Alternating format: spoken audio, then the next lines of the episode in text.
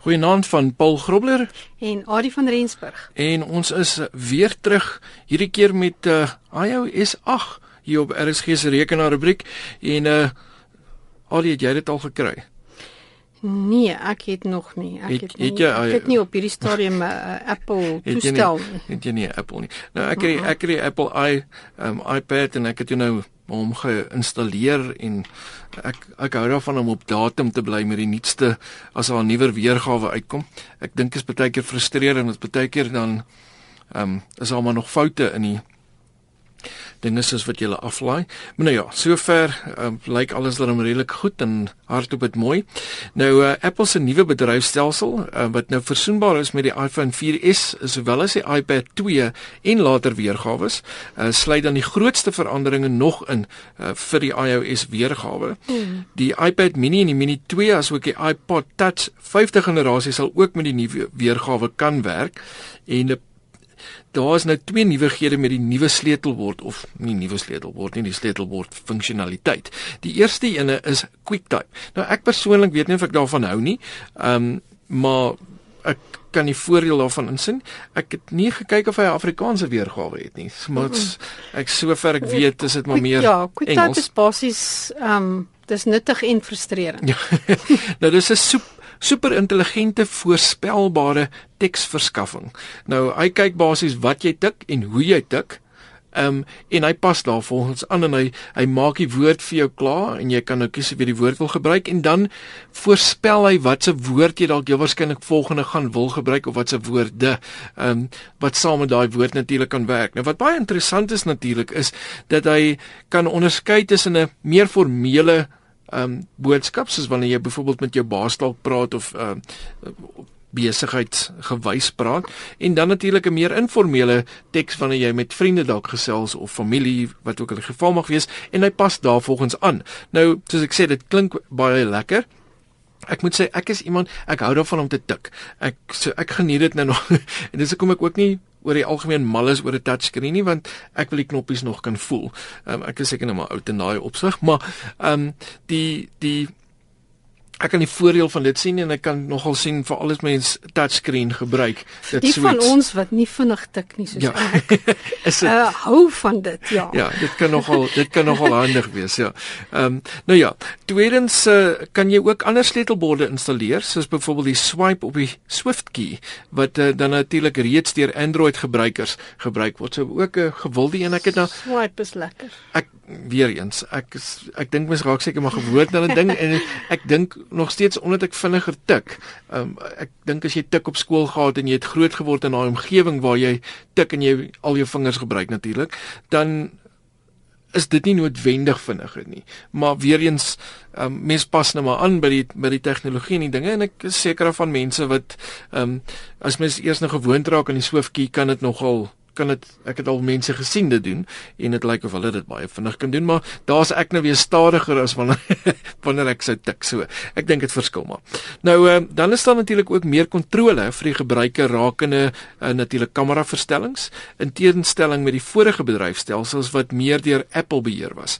En uh, Sekere toepassings kan nou met die kamera saamwerk, byvoorbeeld die Halftone Comic Book Creator en uh, wat mense dan nou toelaat om strokies prent filters in die fototoepassing um, te laat gebruik.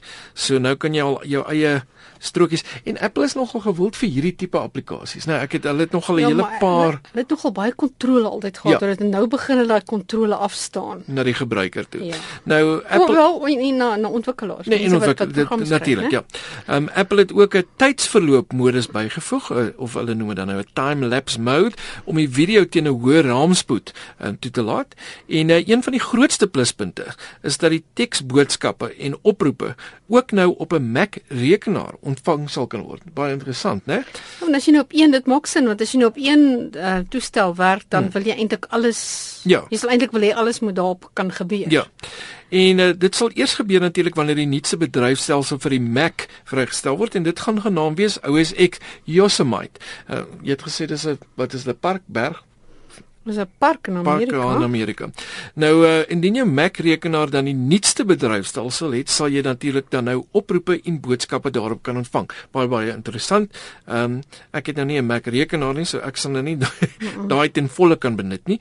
iOS 8 en iOS Yosemite ehm um, saam gaan 'n mens dan nou toelaat om toestelle soemloos te gebruik met 'n nuwe hand-off funksie.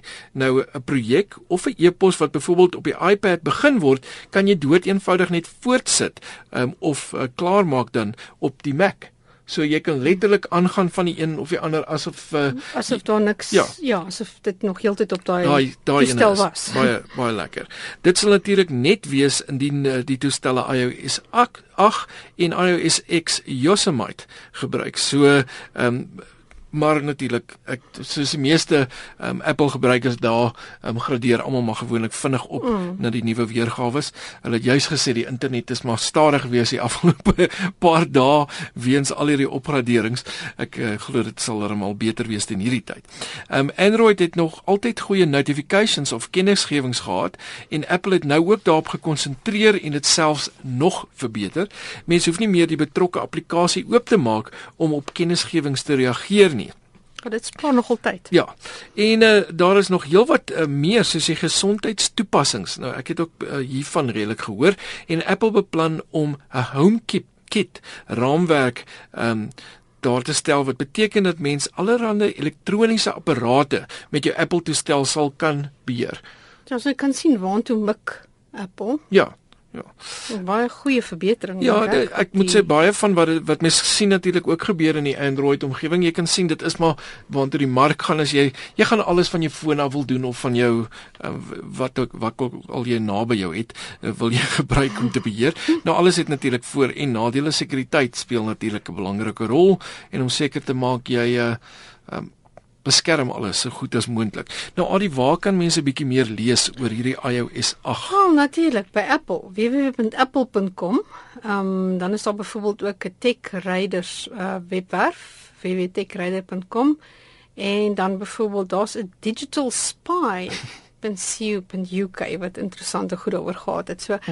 ehm um, gaan lees op ehm um, by enige van daardie en dis lang webwerfname, so gaan kyk gerus by RSG se webwerf. Ja, nee, as jy uh, hierdie wil, webwerf wil kry, gaan gerus na rsg.co.za en kyk onder Charlotte na die RSG rekenaarrubriek en daar sal jy hierdie skakels kry sowel as uh, dit wat ons bespreek het en uh, natuurlik kan jy ook vir ons 'n e-pos stuur na rekenaar by rsg.co.za.